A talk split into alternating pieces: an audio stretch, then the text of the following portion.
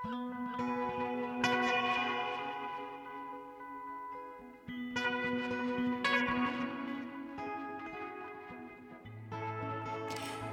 og sæl, í viðsjádagsins verður fjallaðum áferð unglingsárana, stefnumót við sjálfið, kvenleika og dönsku.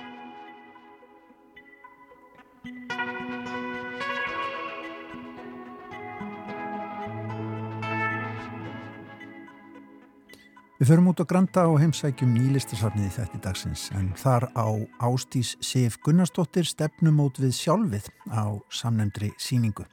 Vídeóverk, ljósmyndir og gjörningar, augnablík frá litrikum ferli Ástísar Sivjar, fléttast þar saman í eina heilt og 16 mánuða dóttirinnar Lilja tekur líka til máls í þætti dagsins. Félagum átjándu aldarfræði heldur málþingi þjóðarbóklöðu á lögadaginn næstkomandi. Þar munu ungir sagfræðingar kynna nýja rannsóknir í sagfræði á sögu Íslands á átjándu og nítjándu öld. Meðal þeirra sem að taka til máls eru þær Ása Ester Sigurðardóttir, en erindi hennar kallast út fyrir mörg kvenleikans á 19. öld og Kristjana Vigdís Yngvadóttir sem mun fjalla um notkun dönsku og erlend áhrif á íslensku. Þar verða báðar gestur okkar hér rétt og eftir. Og við fáum líka sendingu frá Ísafyrði, frá hverstagssapninu þar í bæ sem að rannsakar það hverstaslega og venjulega í lífinu, kemur auga á skálskapin sem byrtist þegar engin er að fylgjast með. Sapstýrur hverstagsapsins, það er Björg Sveinbjörnsdóttir og Væta Brasjúnæti, hafa stopnað spæjarastofu hverstagsapsins á samt önnu Sigriði Ólafsdóttur og í dag rannsakar spæjarastofan tilfinningu táningsárana með aðstóð bæjabúa á Ísafyrði. Virkilega spennandi. En við ætlum að byrja því að fá til okkar gesti, tvo unga sakfræðinga.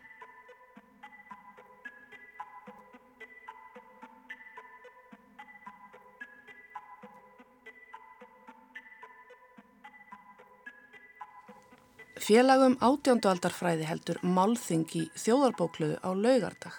Þar muni flytja erindi ungir sakfræðingar sem ætla að kynna nýja rannsóknir í sakfræði á sögu Íslands á átjándu og nítjándöld. Meðal þeirra sem að munu taka til máls eru þær Ása Ester Sigurðardóttir, sakfræðingur en erindi hennar kallast út fyrir mörg kvenleikans á 19. öld og Kristjana Vigdís Yngvadóttir en hún mun fjalla um notkun dönsku og erlend áhrif á íslensku. Verðið velkomnar Ása og Kristjana. Takk fyrir. Takk fyrir. Þeir eru báðar til dælu að nýja útskrifaða, ekki satt? Jú, við uh, útskrifast, útskrifastum úr BNámi uh, í februar 2019, 2019 já. já. Sem að mér finnst mjög langt síðan. Já, það, það er margt gerst en það er, það er það tilturlega stutt síðan ég útskriðist úr bíanáminni, já. Og segð mér aðeins svona frá því hvað hérna, þið fjalliðu um ykkar bían þið eru að byggja ykkar erindi á málþinginu á bíaritgerð, ekki sett? Jú, jú. Um, Ég segist uh, bíaritgerð mín heit, uh, heitir uh, Embætsmál á átundöld þar sem að ég tek fyrir um, dönskunótkun eða tungumálunótkun á uh, átundöld og sérstaklega innan embætsmannakernarsins og þetta byggir alltaf á rannsók sem ég framkvæmdi sem breyfa rannsók þar sem ég var að skoða bara hvort að uh, embætsmenn og, og, og fólk sem skrifa embætsmennum hafið skrifað á dönsku eða íslensku. Og það tengist svolítið inn á svo hugmyndir um hérna um að uh, afnema íslensku á Íslandi og taka upp dönsku og ég, þannig að ég fór svona velta fyrir mér bara hvað hérna, hva var mikið um dönsku og hvort að það hafi verið í rauninni möguleiki á að við myndum bara sleppa íslenskunni mm -hmm. og mhm. taka upp dönsku þannig að bér ekki fjallaði um þá svona um, þetta mál sko. Hvað var það sem að dróði á þessu efni nákvæmlega? Er það það sem er að gerast í samtímanu núna eða? Nei, reyndar ekki. Við, vorum, við fórum í námsferð hérna til Edinborgar í náminu og þar var ég að skoða sérst, uh, gelísku og, og ennsku og svona tungumálunótkunna þar þegar mér finnst, ég hef mjög mikið náhuga á tungumálum. Og hérna og þar náttúrulega var verið að segja okkur frá því að gelískan hafi bara verið barið niður, krakkar eh, áttu bara að tala ennsku og það áttu bara, þetta var svona svolítið gert með harri hendi þar. Mm og að því að þeir náttúrulega eru undir englendingum Uh, og ég fór að velta fyrir mig bara, ég, við vorum undir dönum, akkur voru við ekki látum taka upp dönsku og hérna þar, svona það, frá, frá þeim punkti fór þetta að rulla sko og mm -hmm. hérna og mér langaði að skoða dönskunundkununa og hérna og þá, og svo rakst ég á þetta bregja Bjarnar Jónssonar rektors þar sem hann stingur upp á því að við tökum upp dönsku þannig að mm -hmm. þá fór ég að pæla af hverju við gerðum það ekki. Akkurat, kom aðeins betur því hérna mm -hmm. á eftir og tölum um bókina þeina sem Já. var tilnæmt til Íslensku bókmyndavelununa. Um, Ása Ester, hvað dróð þig að þínu umfylluröfnu? Hver, hver var þinn fókus? Já, uh, ég sem sagt skrifaði um ljósmöðurina Þorbjörgu Svinsdóttur sem var uppi á 19. öld, fætt 1827 Um, hún var að mörgur leiti frekar óheðbundin kona. Hún var mikill karakter og hagaði sér að miklu leiti ókvennilega með að við margar aðra konur á þessum tíma. Og það sem er svo áhugavert við Þorbjörgu er að hún verðist komast upp með þessa ókvennilegu hegðun þrátt fyrir að hugmyndi samfélagsins stangist svolítið á við hvernig hún hagaði sér í rauninni. Þannig að mér langaði í rauninni að kanna af hverju henni leifðist þetta, af mm. hverju hún gæti taka sér svona andþess að hljóta einhvers konar uh, hvað ég segja, samfélagslegan skada af mm. eða, bara vera útskúfuður já, í rauninni, einmitt. einmitt þannig að þetta er svona kvenleika rannsókn með æfisuglu ívæfi eða æfisuglu mm. rannsókn með kven, uh, kvenleika áherslum -hmm.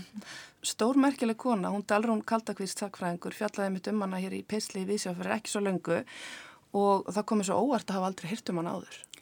Emmitt, hún er ekkit sérstaklega ekkit þekkt í sögunni sérstaklega hjá almenningi. Það fræðuminn vita margir hverjir af henni en ég mitt ræk með á það þegar ég byrjaði að skrifa um hana þarna 2018 hvaða voru fáir sem að verðist vita af henni og sérstaklega kannski samnefndu mínir og, og bara vinni mínir utan sagfræðinar vissu ekkert hverjum var sem er mm uh, stórmerkilegt í rauninni að því að hún uh, til dæmis var afar mikilvægt þegar kom að uh, kvennfrelsisbartu hér á Íslandi. Hún var einna aðal fórsprökkum þeirra sem stopnuðu Íslenska kvennfélag sem er fyrsta kvennfélagið á Íslandi sem hefur réttindi kvenna sjónamæði. Mm -hmm. Emmitt, stór merkilegt. Áður en að ég spyrði hvernig hún á að brjótast út úr þessu og kannski fá að heyra svona hvaða var sem að gerða hana sérstaka og hvernig henni leiðist þetta. Þá langum við að spyrja hverjar voru svona hugmyndur um kvenleika á þessari, á 19. öld? Já, það var að mörguleiti bara mjög svipað og e, í dag. Þetta var spurningum að þú áttur að vera ljúf, e, áttur að vera bara já, ljúf og góð með svona samúð gagvart lítilmaganum og, og já, eins og segi, bara rosalega svipað og í dag. En ef maður það er svolítið í dag, þá er við, við leifum okkur að aðeins meira held ég að stíu út fyrir þennan ramma, þetta er ekki abstrakt. Og kannski meira umbyrðalendi í samfélaginu eða hvað? Já, 100% gangvart mm -hmm. því að þú, já, mátt haga þér uh, ókvenlega í rauninni svo lengi sem þú sérst bara ekki vera vondur við ykkur. Mm -hmm. Akkurat. Kristjana, þú gafst út bóki fyrir eins og nefndi hérna áðan sem var tilnæmt til Íslensku bókmyndavelunum til Hamingju. Mm, Þraut segja á mikilvægi íslenskar tungur um notkund, dönsku og erlend áhrif á íslensku. -hmm uh, glæsileg bók og eins og þú sagður á það þá kemur þar fram, eða það kemur fram í bókina árið 1771 þá skrifaði rektor skáláttskóla bref til dansk freyfurvalda þar sem hann lagði einfallega til að íslenskan er þið lögð niður mm -hmm. hver voru svona helstu rauk hans fyrir því? að leggja hana bara niður. Já, sko, þetta er nefnilega mjög áhugast brefa því hann, hann tilgreinir einmitt raukinn fyrir þessu, sko, hann segir til dæmis að hérna e, það myndi auðvelda verslun og auðvelda samskipti við Dani að því að okkar tengsl við umheimin er í gegnum Danmarku á þessum tíma mm -hmm. og við erum náttúrulega hlutað konursríkinu um, það sem að eru mikil samskipti við uh, augljóslega við danski yfirveld og, og konung og hann í rauninni sér fyrir svona fyrir, fyrir sem meiri samlögun sko að við séum eins og við verðum meiri hluta af konursríkinu mm -hmm. uh, með því að tala dönsku og það auðveldi til dæmis ef við gefum út bækur á dönsku þá myndir það dreifast viðar við erum tengdari bara um heiminum mm -hmm. um, svo sá hann fyrir sér að hann að tala um að, að þú veist ef við myndum uh, að því að það er, er að koma fram svo mikið að nýjum vísundum og nýjum rannsóknum og fræðum og svona og hann talaði um að það verði ekki til orð á íslensku til þess að taka á móti þessum fræðum mm -hmm. um, en fræðimenn síðar uh, lögur svo bara ásla það að hérna, það var bara meira ásla á nýjörðarsmíði og þá gáttu við alveg að gefa út bækur íslensku um alls konar efni. Mm -hmm. þannig að þetta er svona meðal þess sem hann hafi í huga en, en, en hérna, þessi hugmynd er samt svolítið að hún hefur verið tengt hérna, upplýsingarstefnu alþjóðavæðing, svona alþjóðastefnu upplýsingarinnar. Uh, það sem að það var bara mjög viðkend að, að sérst, það var verið að tala um að allir þegna ríkisins ætti, að tala sama mál þannig að hann er bara svona svolítið bara upplýsingamæður sem hefur þetta í huga mm -hmm. og, og í stað þess að tala, allir tala íslensku þá finnst það praktískar að allir tala dönsku Já, mm -hmm. að því að og, að að, og mæntilega mér fannst það svo ljóst eitthvað að hann var svona pæli tengingunni sko mm -hmm. að, hérna, það kannski myndum ekki einangrast á Íslandi sem að kannski fólk var rætt við á þessum tíma er náttúrulega bara hvað eitt, tvö skip sem koma til landsins á hverju ári og þú veist það er ekki droslega mikil eh, tengsla á milli sko þannig að hérna og hann hefur verið í Danmark og hann hefur verið í Kaupmann hefur bara mm -hmm. læra þar hefur vantilega kynst þessari menningu, síðmenningu og svona virkulega heilast af, af henni og langað bara í meiri tengsla á milli sko mm -hmm. Einmitt, þannig að það er svona kannski, já uh, hún er þóttið að vera fýtna kannski fyrir ímynd þjóðar Já, einmitt, uh, já, alveg örgulega mm -hmm. sko en mm -hmm. hann er svona, ma maður hugsa sko hvað hva hafði hann eiginlega á móti íslensku og af hverju, hverju hann myndi í hug Já. en þetta er svona svolítið, ég held að sé svolítið hann er að reyna að hjálpa íslensku mm -hmm. hann langar að gera vel, hann er, þetta er, þetta er tillega að uppreist landsins sko mm -hmm.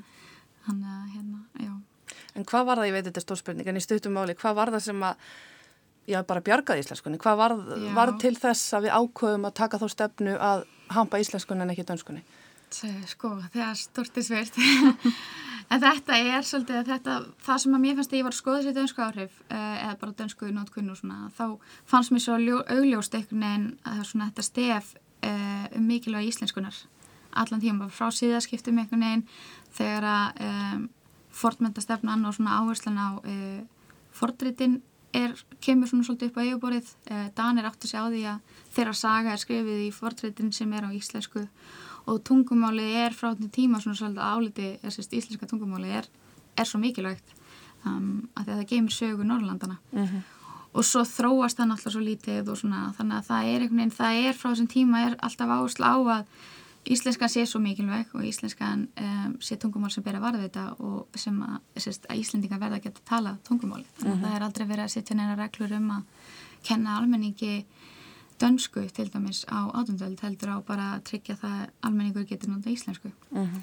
og svo náttúrulega kemur 19. öldinn og, og þá er romantikinn og þá er uh, fjölnismenninir um, og margir aðrir danir líka sem að leggja áherslu á uh, mikilvæg íslenskunar þannig að hérna, þetta sé bara svolítið mikið bara á þeirra og, og, og þessi áhersla sem er lögða á íslenskuna uh mhm. -huh. íslenskan sem, að, sem vopni í sjálfstæðarspartinu og fleira svona þannig að Einmitt, þetta er löngum mikil saga og henn Já. er hverki næri lokið. Hafið þið áhyggjur af uh, stöð íslenskunar í dag? Mm, mér langar að segja nei. Já, einmitt sko. Það er alltaf eitthvað sem að það blandast inn í tungumálið. Hvort sem að við erum kannski ekki eins mikið að hafa áhyggjur af dönsku slettum í dag og áður og frekar að hafa áhyggjur af ennsku slettunum sko. Og mm. það er spurning hvenar... Uh, hvenar þetta getur talist sem eðlileg þróun tungumáls og hvenar maður þarf umverulega að fara að hafa ágjur sko en Já. ég treysti mér svo sem ekki til að fara að dæma um það sko Nei, ég held að ég meina, það eru mjög margir þetta er móðumálu okkar og það er mikil áhersla á að við notum íslensku það er alveg svolítið mikið um ennsku líka hérna og, og, og það þarf við þetta að vera við þurfum að geta að tala eitthvað annað tungumál til þess að einmitt einangrast ekki hérna á Íslandi sko. En svo skálatsrektor bent okkur á. Já, já, einmitt. En jú, ég held að það sé bara mikilvægt að, að það, eins og bara 1890 svo lengi sem það séu einhverjir sem að vilja halda tungunni lifandi og vilja halda áfram að ræktana og leifin að þróast líka uh, þá náttúrulega deilur þá líka um það hvort að tungumála ætti að þróast í meira í áttina dönsku eða, eða aftur að fornaranninu mm -hmm. sko. Þannig að það verða alltaf svona pælingar en, en ég held að, já, svo lengi sem að sé einhverju sem að tala tungumála en þá og vilja tala að þá Einmitt, en á þessum tíma sem að þú varst að stúdera þá var þetta málumhverfi barnana íslenska, nú Já. er það svo mikið að breytast. Það er svona kannski veldur manni mestum áhugjum mm -hmm. Það er alltaf aðra róknir einhvern veginn núna, Já. það er miklu meira heldur en En ég fekk ykkur ekki heimsótt að ræða stöðu íslenskunar ég hérna, viljum að hérna, halda aðeins áfram með þetta málþing. Hérna Ása Ester, mér langs að spurja þig hérna að lokum hvernig hún hérna Þorbjörg Sveinsdóttir eh, já, í stöttumáli, þú færði þetta betri yfir það á málþinginu, hvernig náðu hún að brjóta stundan þessum hérna reglum hvað já. var það í hennar lífi sem að gaf henni þessi tækifæri? Það er mitt sko, það, það er heldur ekki drúslega einfalt mál en í, í stuttum máli þá tala ég um fjór, fjór atriði eða fjór þætti sem að leifa henni að haga sér svona. Þá er í fyrsta lagi helst aldur hennar, hún, þegar hún fer að láta á sig hveða í ofinbæru málum, hún er sem sagt að mæta á stjórnmálafundi þar sem að aðeins karlmenn meg að tala og hún kemur þarna og heldur ræður og þetta er yngum í hugast fara að stoppa hann sko, þetta er Þorbjörg Svinstóttir og allskinn svona, svona dæmi sko, að Uh, það er helst aldrei, hún er þarna þegar hún fer að láta sig hveða í svona málum, í ofinbæru málumni, þá er hún að koma að batningnaaldri og það einhvern veginn virðist vera sem það hafi að einhverju leiti gefið konu meira rými til samfélagslegra aðtapna að þær væru ekki lengur að sinna eða reyna að sinna þessu móður hlutverki. Mm -hmm. Uh, Aðurleiti þá er það hjúskapastæðinar, hún var ógift, hún var uh, þar að lendi með, já hún var þar að lendi ekki undir mannkomin, þurfti ekki að uh, hlýða hans vilja eða hvað maður að kalla það sko og, og það gaf henni svona ekki sjálfstæði. Hún var líka eins og ég myndist á ljósmóðir sem var embættistarf á þessum tíma og það gaf henni rosalega mikla virðingu í samfélaginu og gætt e, að jafnvel á tímum komið henni úr vandraðum e, eins og ég minn, minnast á í erindinu þá mm.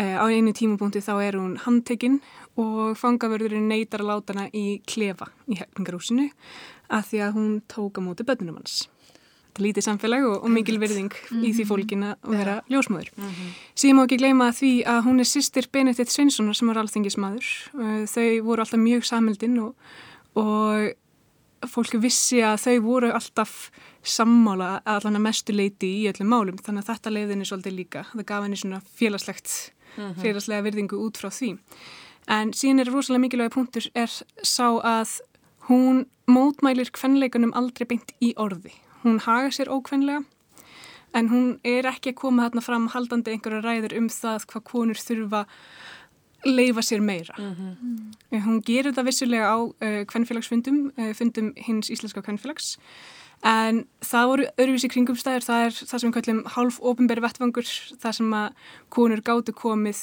og rætt mál sem vörðu langa oftast konur og þar leðandi þar gáttu þar verið svolítið svona aðeins meira að mótmæla stuðu sinni heldur mm -hmm. en annars þar. Þannig að þetta er svona sambland af mörgum atröðum sem að gera henni kleift að hafa sér svona.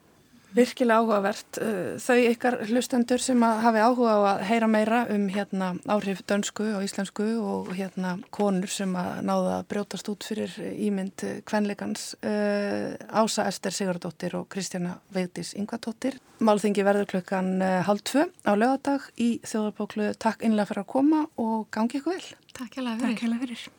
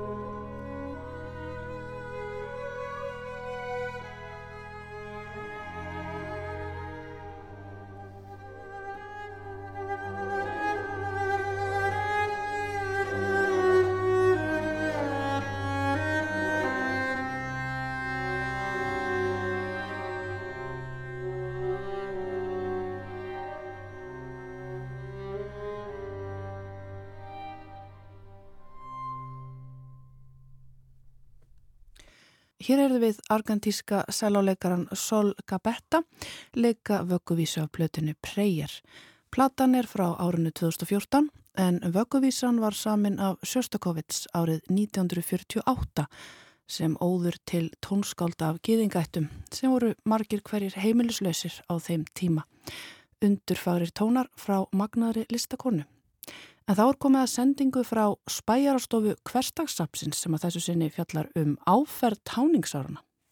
Þegar við íhugum minni tengjum við það oft myndum sem að byrtast af ákveðnum tíma, ákveðnum stað, minningum um fólk og aðtapnir.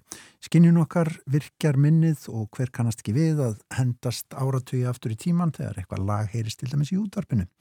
Snerti minni virist vera eitthvað sem við gefum ekki svo mikinn gaum en þegar betur að gáð munum við flest hvernig táningsárin voru viðkomu. Spæjarastofan í kvestasafninu leitaði til fólks á ólíkum aldri á Ísafyrði og grænslaðið fyrir um þeirra upplifun af viðfangsafninu. Viðmælendur í einslæinu eru Svanildur Þóradóttir, Svavar Þór Guðmundsson og Jóna Sigriður Írisadóttir en spæjarastofu kvestasafn skipa þær Björg Sveinbjörnsdóttir, Væta Brasjónæte og Anna Sigriður Ólafsdóttir.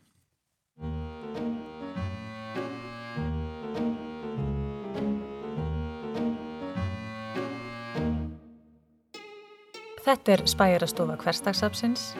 Efni þáttarins er áferð táningsárana. Haptíst minni snýra snertiskinninu og þeim minningum sem ákveðin snerting getur kallað fram og jafnvel stór aukið skináhrif eins og sársöka, þristing, sælutilfinningu eða kláða. Minningarnar vara mjög stutt, í raun mun stittra en aðrar minniskerðir og hefur rannsóknarfólk komist að því að það vari í um tvær sekundur. Leggið vel við hlustir, lokið augunum. Regndrópar á bera húð, snjór í skónum, silkiblúsa, nærbuksur sem leita inn á við, ljósastöður í frosti, rauðmægi, gummihandrið á rúlustega, að kljúa vatn með líkamannum, klistruð söldukröka losaralegur sokkur í stígvilinu, brjóstahaldaravýr sem stingst í brjóstkassan, heitur kakobotli milli handa, tyggjóklessa undir skólaborði. Pindir þúði kannski þykkan bómullargestreng með bróskvallum árið 1999? Var kannski miðin á fallegu peysunni sem þú keiptir árið 1997 til þess að þér fannst eins og þú værir að klæða því í kaktus? Spærastofa hverstagsapsins fór á stúfana til að rannsaka hvernig táningsárin voru viðkomu. Meðrannsengundur okkar þessa vikuna gefa insýn í býtla árin, hina allræmdu eitístísku og uppsulun í aðar aldamóta kynnslóðarinnar. Gefum Svanhildi Þórðardóttur orðið. Ég fætt 46 og ég er nú frekar, við erum fjóra vinkonur og við vorum frekar framalega í því að þroskast og stjórnum því sem við vildum stjórna. Þannig laga séð sko, við vorum gengi og við þessa fjórar. Við fengum inni í herbyrkjöðni vinkonni og þar var hoppað upp á rúmum og dansað eftir lögunum frá Presli og við vorum alveg brjálaðar. Svo komu bílarnir og þá er ég nú stött út í Noregi, var á skóla þar og ég kem frá Íslandi og bílarnir eru svo frægir og það er svo gaman að hlusta. Þau vissi ekki hvað bílarnir voru það var ekki komið til Norregs og maður náttúrulega fór í stuttupilsin og, ég, þarna, og þegar ég fór út fórum við með gullfossildum og komum við í hérna líð komum svo í Edinborg og þá, við vorum tvær vinkonuna sem fórum í hennar skóla þarna í Noregi og við þustum upp í búð og keftum og þá kefti ég skotapils. Og það var, þótti alveg gífulega frott í Noregi sko, þegar maður átti skotapils, það átti engin skotapils þar sko. Sveitinni, þetta var svona sveitaskóli og mest sveita krakkar sko. Skotapilsi sló alveg gerðsamlega í gegn og ég átti það fram eftir öllu endaði nú með ég gáða einhverjum fyrir rest en það var glæsild með nælunni á hlið, hliðinni og svona sko. skotapilsi var úr öllar efni eins og skotapils voru en það var svo vel unnið að það var bara, svo var maður náttúrulega í sokkum undir og, og áður en sokkabustna komu þá var maður náttúrulega bara í sokkum og með eitthvað hérna í, í einhverju sem held sokkunum uppi svo kefti maður svolítið sem hétt mammalúk og það voru buksur sem náðu yfir miðismunnin á sokkunum og þannig að þá var maður orðin alveg niðrundi nýja, alveg varinn sko. maður var í sokkum, svo kom alltaf berta milli þar sem að, að hérna, naparni voru niður sko.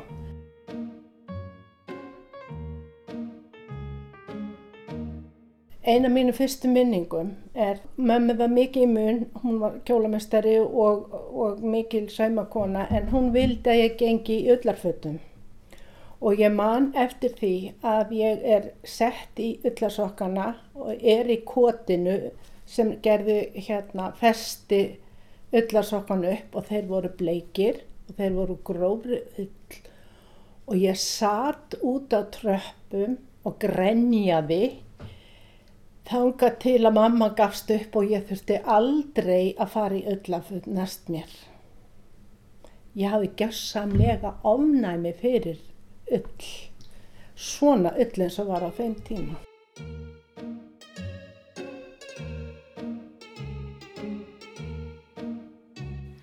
Hér er Svavar Þór Guðmundsson. Sko, ég er í gagfræðaskóla 84-87 og mentaskóla 87-91 Þannig er það ekki svona tánings. Sko hártískan var náttúrulega síta aftan. Algjörlega, allarleið. Það var bara dúran eða vam, punktur. Uh, og ég sapnaði slíku sko, alveg bara viðkynni það kynróðast. En tískan var uh, svona frekka víðabugsur en mjög mjóa niður. Og uh, sko uppáhaldsbugsurna minni til langstíma voru gallabugsur sem voru svo þröngar sko um öklan að svona komst valla í það, sko, það komst allir yfir hælinn. En svo voru það alveg sko hólk við þar ofan. Þetta voru buksur sem ég eignaðist ég var svona 14 ára og mann alveg greinileg eftir það því að sko það fór bara mánaðar hýran í þær. Eh, það voru ógesla dýrar, það voru allir í þessum buksum eins og gengur ekki. En það eru voru svona úr hérna mjúku gallaefni sem var mjög skrítið þá, sko. Þá var allar, allar gallaefni bara pinnstífar og óþægilega, sko ég man eftir þeim.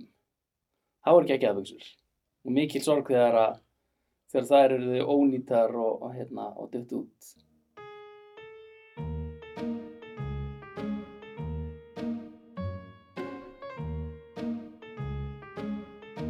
Að ofanverðinni sko, öll fött voru eða svona víð. Allar skýrtur víðar, allar peysur víðar. Nema kannski fermingafötti mín, það var hérna það var svona grófar ullabugsur, svona yrjóttar, brúnleitar mjög gerna eða gráleitar, uh, hólkviðar, en svo fyrir eitthvað þraung svona kjólfattaskýrta, bara hvít með brott hérna kraga, eins og bara, já, eins og á fínum önnum og svo svona lakrís slaufa, ekki bindi, sko, úr leðri.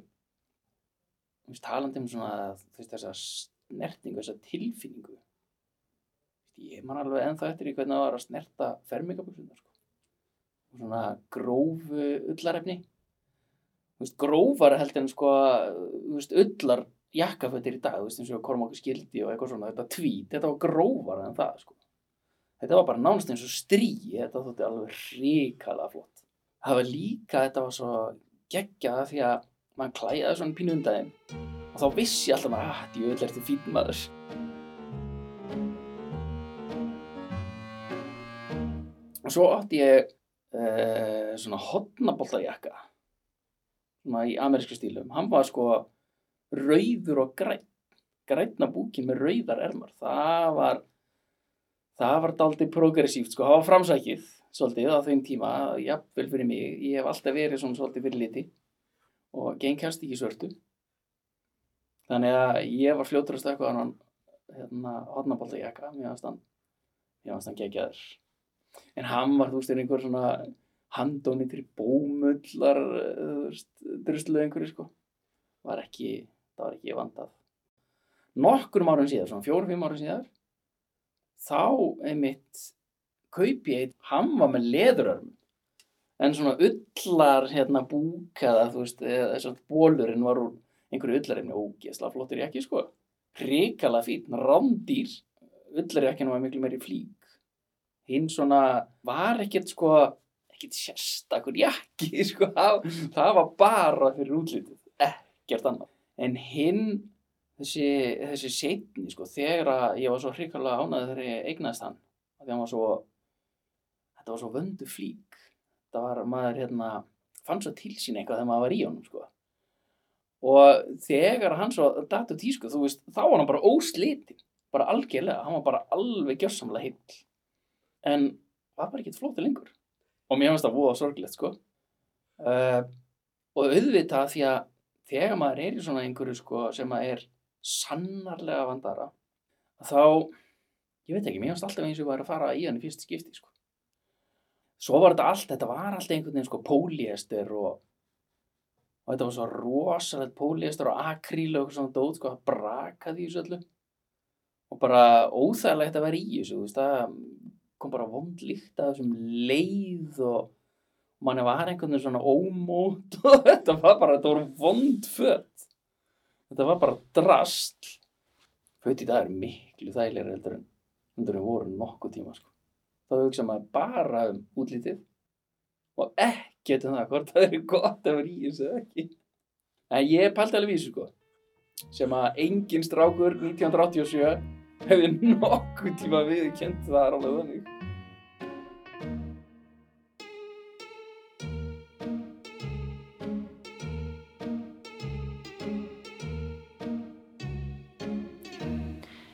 Jóna Sigriður Írisadóttir tekur við keflinu.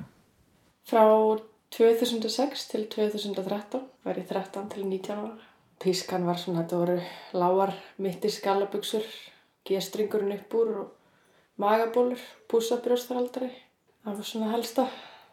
Það voru svona skinny jeans, þar voru þröngar allalegina nefur. Þar voru úr stífu efni.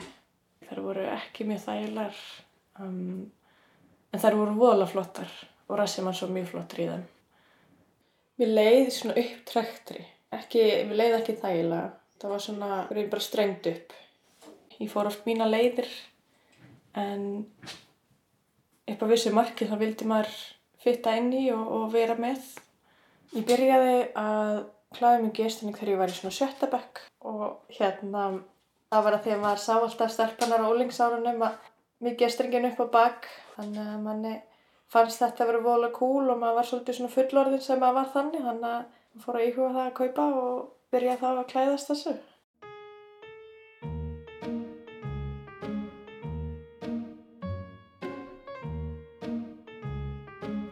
Það er nú ekki þægilegt að sitja í gerstrengi lengri tíma þar sem þetta er alveg upp í borin á manni.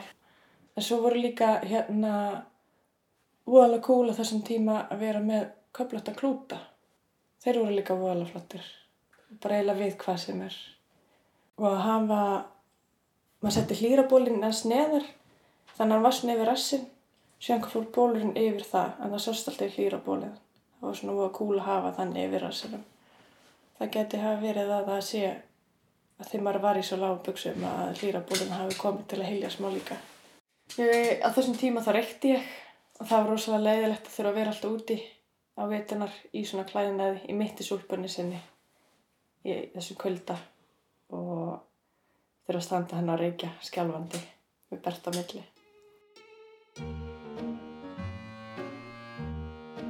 Þessi stíl fylgdi mér svona til um, 17. aldurs og þá fór ég að fara í, þægilegri född sem mér fannst flottari og, og, hérna, og þægilegri að vera í. Við spæratnir hveðjum í bíli en hvetjum ykkur hlustendur til að finna fyrir áferðinni í hversteginu.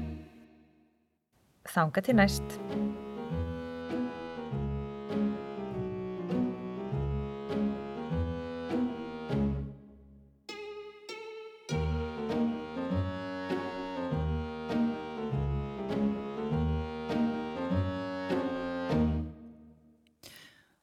Við þökkum spæjarastofunni á kvestasafninu fyrir þetta einslag, góð sending frá Ísafyrði, en spæjarastofuna skipa þær Björg Sveinbjörnsdóttir, Væta Brassjunæti og Anna Sigrir Ólastóttir.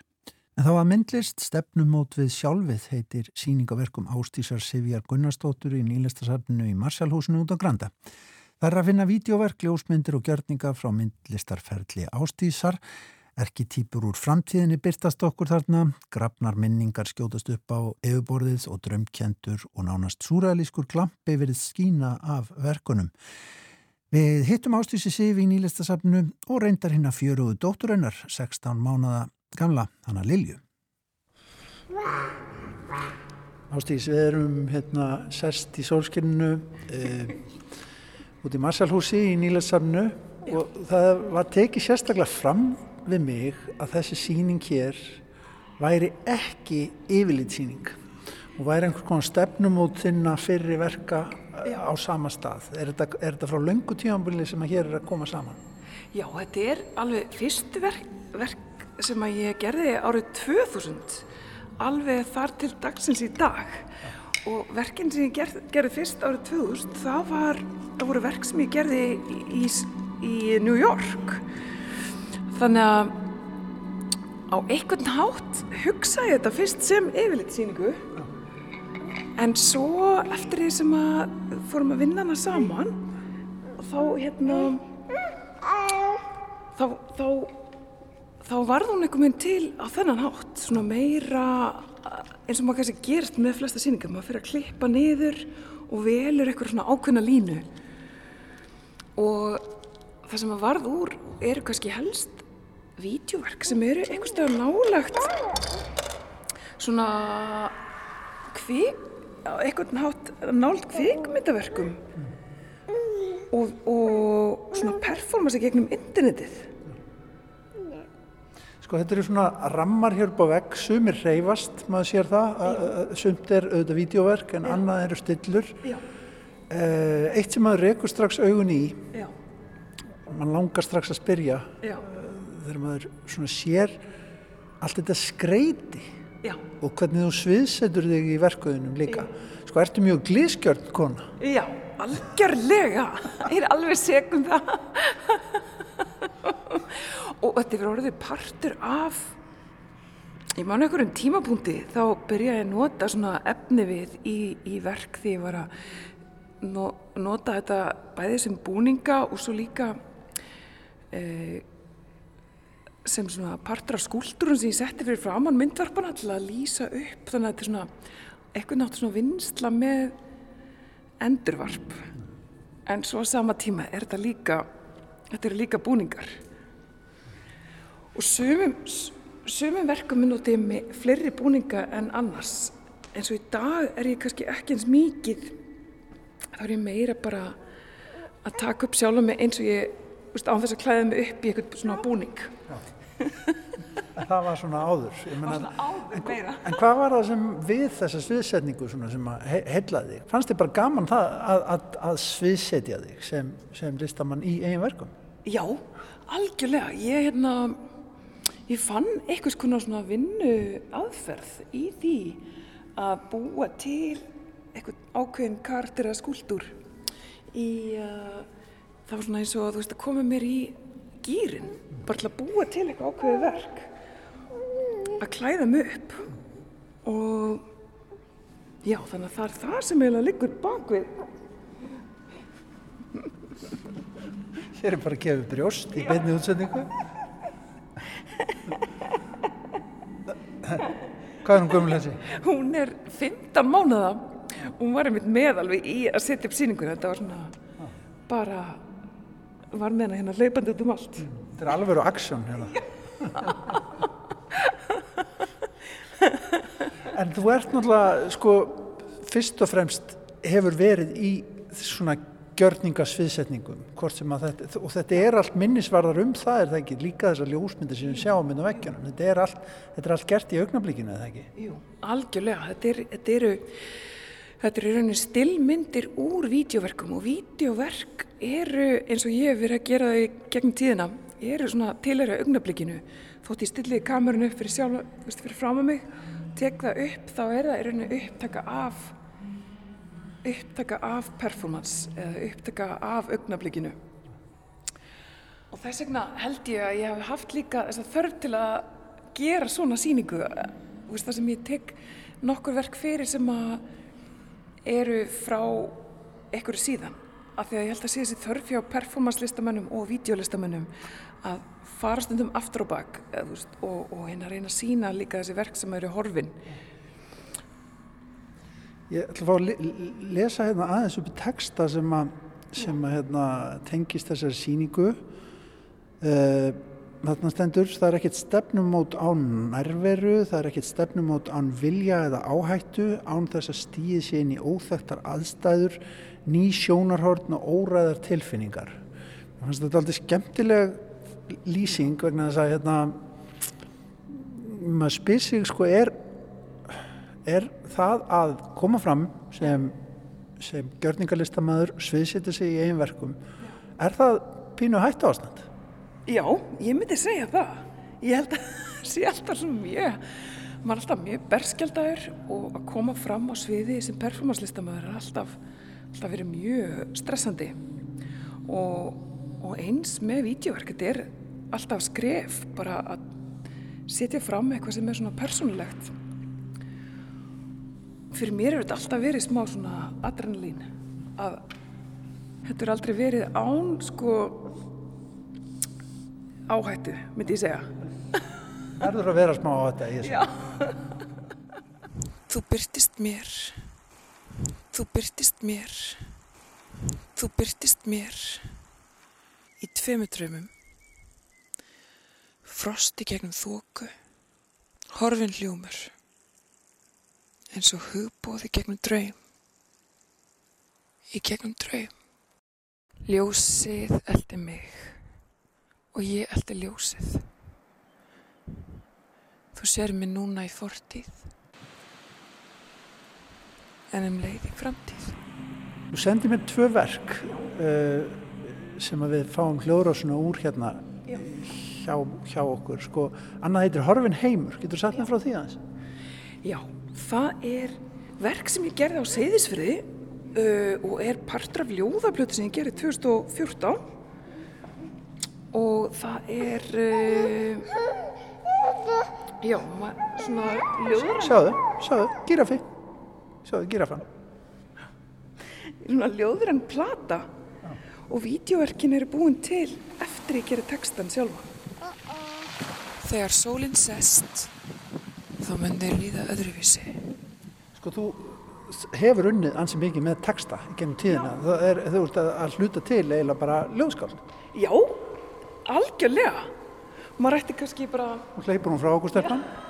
Kondu, verður hjá okkur. Mikil aksjón í henni. Kondu. Búin að fá sopansinn og til í, til í hvað sem er, hlaupast það. En þetta með textan, ég menna, af hverju, af hverju hefur þið valið þá, þá tjáningar leið? Sko, þetta var textin og ástæðan fyrir kannski, ég, með, ég byrjaði að gera texta í gegnum nefnilega vídeoverkina sem ég setti kamerum fyrir fram hann sjálfa mig. Og ég byrjaði að tala við sjálfa mig svona eins og ég var að tala við dagbúk og síðan út frá því byrjaði ég, var textin bara partur af vídeoverkunum og performanceverkunum. Þannig að þess vegna held ég að ég hafi ekki stimpla mig sem ljóðskáld þótt ég sé kannski fyrir að sjá mig þannig núna í dag. En ég hugsaði alltaf sem part af vídeoverkinu Þetta er alltaf verkefni að vera með þessu ungu dögum hérna þessar Þetta er skemmtilegt lífandi lífandi útvarp Með sem að ágjörði hugsaði bara með þetta mun alveg ganga upp með viðtalið Já En þetta er bara skemmtilegt. Þetta er nú kannski stærsta verkefnið og stærsta verk, verk listamannsins að það er eignast svona? Engin spurning og svo ég dóttur sem er 11 ára mm. Og ég man, hún var líka með mér alltaf því ég var að gera listaverk á þessum aldri. Mm. Þetta er svolítið, þetta er svolítið. Þetta er krefjandi að hlaupa á eftir. Erstu með okkur? Erstu með okkur? Já. Viltu tala? Viltu tala í mikrofónin, Lilja? bara anda í mikrofónin, það er líka fint Já, Já. Má ég sjá? Má ég sjá? Þú sína mér? Þetta er búið að breytast úr, úr myndlistarspjalli í einhvers konar hérna, já, hvað maður segja, batnaupildi, hérna bara batnapössun. Það ætlar að segja eitthvað.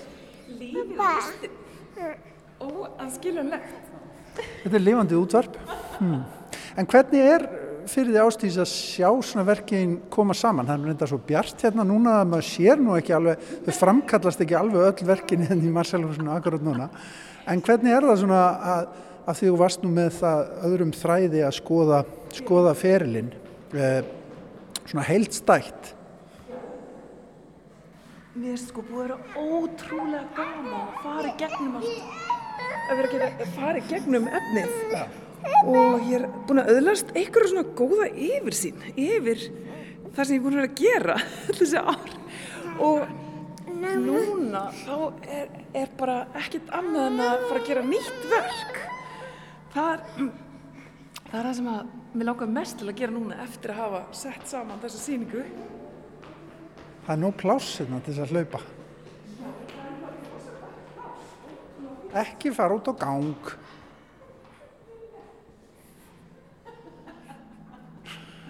Það er alveg sveitur hérna.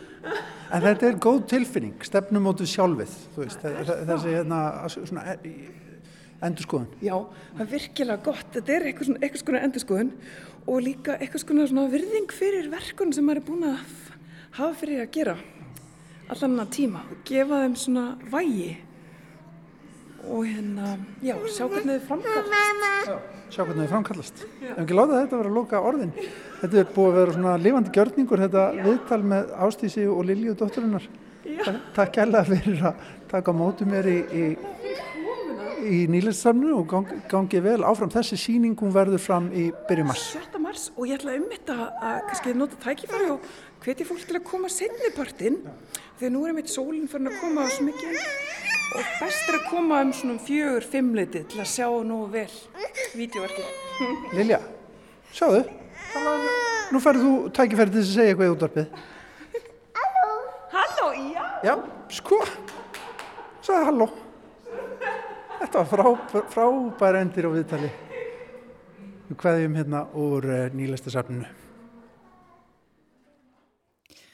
Já, þessu spjalli guðuna við þær maðgur Ástísi Sif og Liljum ætlum við að enda þáttin í dag. Reyndar ekki alveg enda af því að guðuna varst þú ekki búin að finna eitthvað á fónin?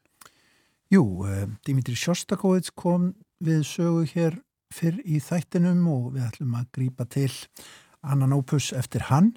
Uh, það má nefna það að þessa dagana er tónleikahald hjá Symfóníuljónsut Íslands hægt rúlega að fara af stað. Uh, í dag, í hátinn í dag voru hátegistónleikar hjá hljónsutinni og við munum senda út núna eftir kvöldmatt eða um kvöldmattaleiti klukkan 19 upptöku sem gerð var á hátegistónleikum í dag. Þarna voru á efnisgrá verk eftir Wolfgang Amadeus Mozart og Ludvig van Beethoven og það er Pétur Gretarsson sem verður kynir þessar dagsgrár hér í kvöld klukkan 19. En það er tónleikar líka í næstu viku og það verða kvöldtónleikar af vikuleginni. Það er á efnisgrá verk eftir Samuel Barber og Dimitri Sjostakovits, symfónia nr. 9 eftir Sjostakovits. En hér heyrum við útsetningu fyrir harmoniku á einni prelodíu úr miklu sapni Sjostakovits sem að heitir Prelodíur og fúkur, mikið meistaraverk píanobúkmyndina frá 20. öld, en þetta er sem sagt harmonikútgáfa. Og það er bandarískur harmonikuleikari Guy Klukevsek sem að leikur hann er bráðóttur og flinkur á nekkuna. Og svo náttúrulega ljúka við sjá í dag. Takk fyrir að hlusta og verið sæl.